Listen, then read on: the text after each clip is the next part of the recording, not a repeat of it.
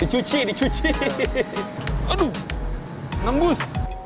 Hmm, tetap harus pakai kopi. Alamak, nikmatnya.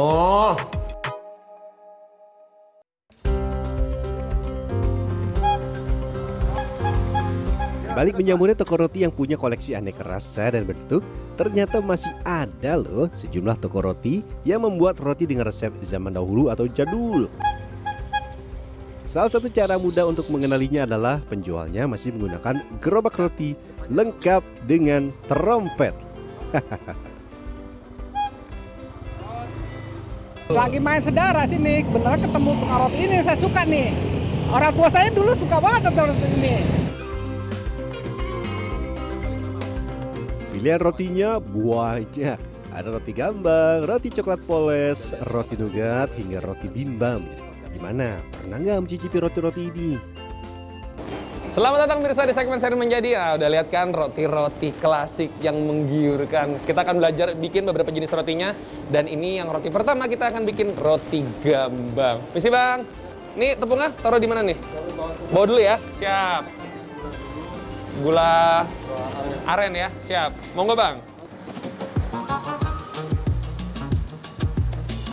Berdiri sejak tahun 1921 silam, produsen roti yang membuat puluhan kreasi roti di kawasan Ciputat, Tangerang Selatan ini masih menggunakan resep yang sama sejak awal didirikan. Pewangi makanan yang digunakan adalah esens dengan aroma pisang Ambon. Oh, soda kue. Kalau yang lain pakai itu, pakai ragi. Oh, kalau yang lain pakai ragi, ini soda kue ya. Saya pikir santan. Salah mas kameramen, bukan santan ini, bukan air kelapa.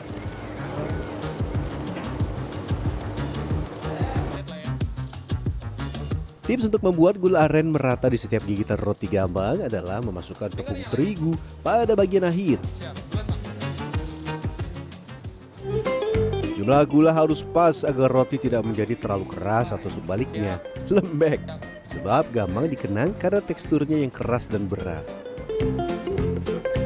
For your info, roti gambang merupakan salah satu jenis kuliner khas Betawi yang dibuat dengan mengadopsi proses pembuatan roti yang biasa disajikan atau disantap oleh orang Belanda pada awal abad ke-20.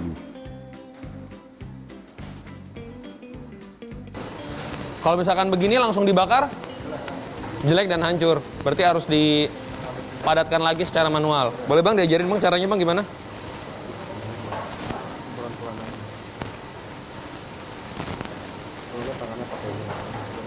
Biar nggak lengket, siap. Ada yang tahu mengapa roti berbentuk kotak ini bernama gambang? Jadi asal nama gambang pada roti ini karena bentuk roti yang menyerupai salah satu alat musik Betawi. Apalagi kalau bukan gambang. Ini sudah cukup belum bang? Cukup ya? Kalau misalkan bang, ini kita langsung masak nih yang sudah diadon dengan mesin, itu bisa nggak sebenarnya? Tapi nanti hasilnya seperti apa tuh bang kurang.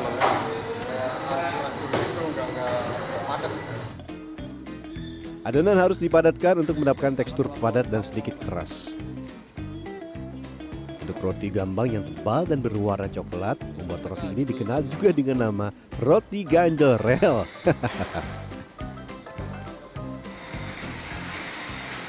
Sehari ini ribuan roti gambang ya bang ya, jadi ya. Nah yang unik, walaupun roti ini terkenal dengan jadulnya, tapi ada juga yang diffusion dalam artian tuh dicampur dengan keju supaya bisa masuk ke lebih banyak orang lah kayak anak-anak mau nyobain bisa, yang anak-anak muda juga mau nyobain bisa. Monggo bang. Uniknya setelah proses pencetakan selesai, roti gambang harus dicuci dengan air bersih.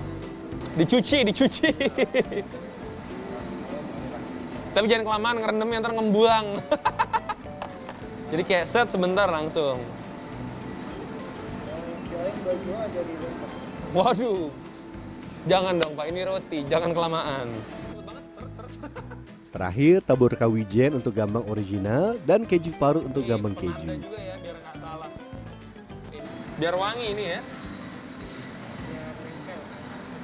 Kalau pakai wijen itu fungsinya apa sih?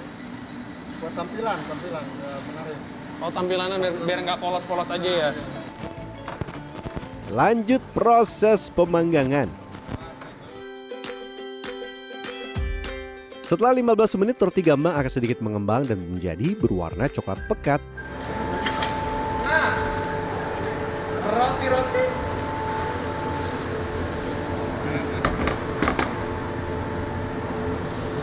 Wow, wow. Dengan begini dah daripada lonjong-lonjongin si gambangnya kagak bisa.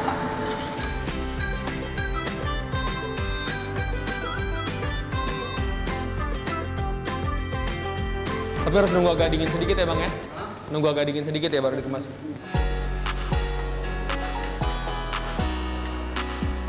Roti gambang selesai. Waktunya membuat roti tawar dengan resep zaman dulu. Meski namanya roti tawar, harus tetap pakai sedikit gula ya. Lanjut tambahkan air dingin dan sedikit garam. Aduk hingga adonan menjadi kalis. Untuk mengurangi gas yang ada dalam adonan agar adonan tidak mengembang secara berlebihan. Bang kalau tahu udah kalis itu gimana sih bang ciri-cirinya? Nah, ciri-cirinya kalau kita menggunakan mixer ini nih, nah, ada suara-suara letupan kecil, tepuk, tepuk, tepuk, tepuk. terus ada gelembung-gelembung.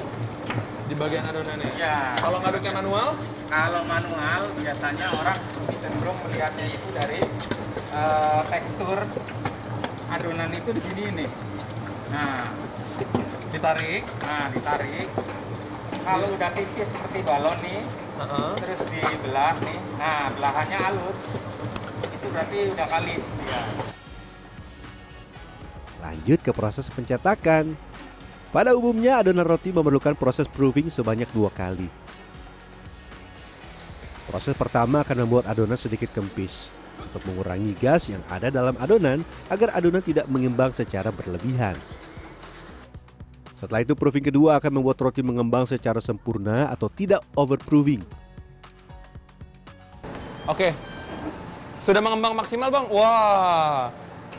Nih roti tawarnya sudah fluffy banget. Twing twing twing. Karena nih tadi dibantu sama uap. Ini nih uap semua nih. Jadi baunya ya bau ragi ya. Mempercepat prosesnya. Waduh, kenceng. Seperti masuk ke kabut. Terakhir, panggang roti pada suhu 180 derajat Celcius selama satu jam. Dan ini dia roti tawar yang sudah matang. Aduh. Nembus. Aduh. Gini.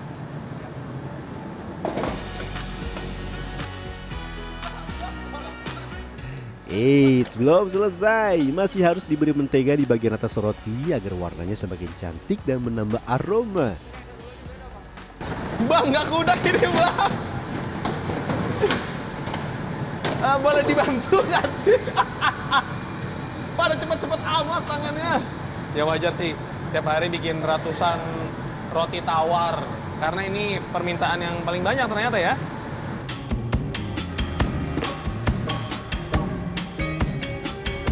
Lanjut kita akan membuat roti bimbam. Roti bimbam ini adalah varian roti sobek dengan tekstur yang lembut namun sedikit padat. Nah, ada yang pernah mencicipi? Ini yang unik. Si roti bimbam ini sudah dari tahun ke tahun, dari zaman bahula, dari zaman sebelum lahir. Ini pakai pewarna makanan yang merah. Tapi merahnya ini pas udah jadi roti ini nggak bakal jadi warna merah, tapi ya cuman kayak slightly merah kayak orange gitu loh. Karena merahnya tuh kadarnya dipakai tuh nggak full gitu loh. Tapi kalau di rumah mau pakai yang warna hijau, pewarna makanan, bahkan warna makanan yang lain gitu ya, biru misalkan ya bisa. Cuman karena dari awal sudah warnanya identik seperti ini si bimbam, ya kita teruskan resep roti klasiknya. Monggo bang. Setelah tepung, ragi, gula pasir, mentega, garam, pelembut roti dan pewarna makanan tercampur rata dengan air dingin, waktunya proses pencetakan. Adonan akan dipres agar adonan roti menjadi sedikit padat. Ini kan proses pembuangan udara yang ada di dalam si adonan. Kalau roti yang lain kan enggak, dia normal. Jadi fermentasinya, pengembangannya itu normal biasa. Kalau ini, ini di press dulu. Apa istilahnya knocking dough. Selanjutnya adonan roti akan dibentuk memanjang dan dipotong kecil-kecil. Kira-kira berapa gram bang ini? Itu kurang lebih sekitar 85 gram. Kalau sini. itu kurang. Nggak apa-apa. Ini. Selain rasa manis dari gula yang tercampur dalam adonan, untuk menambah cita rasa, lumuri bagian atas adonan roti bimbam dengan susu. Agar mengembang sempurna, adonan bimbam juga harus melalui proses fermentasi. Sambil menunggu roti bimbam matang, saya diminta untuk membuat satu jenis roti lagi. Ini dia, roti coklat poles. Sebetulnya basic adonan untuk roti tawar dengan roti manis itu dia mirip ya, bahkan cenderung sama. Yang membedakan hanya gulanya aja. Kalau yang roti tawar itu sekitar 8% perbandingannya dari tepung.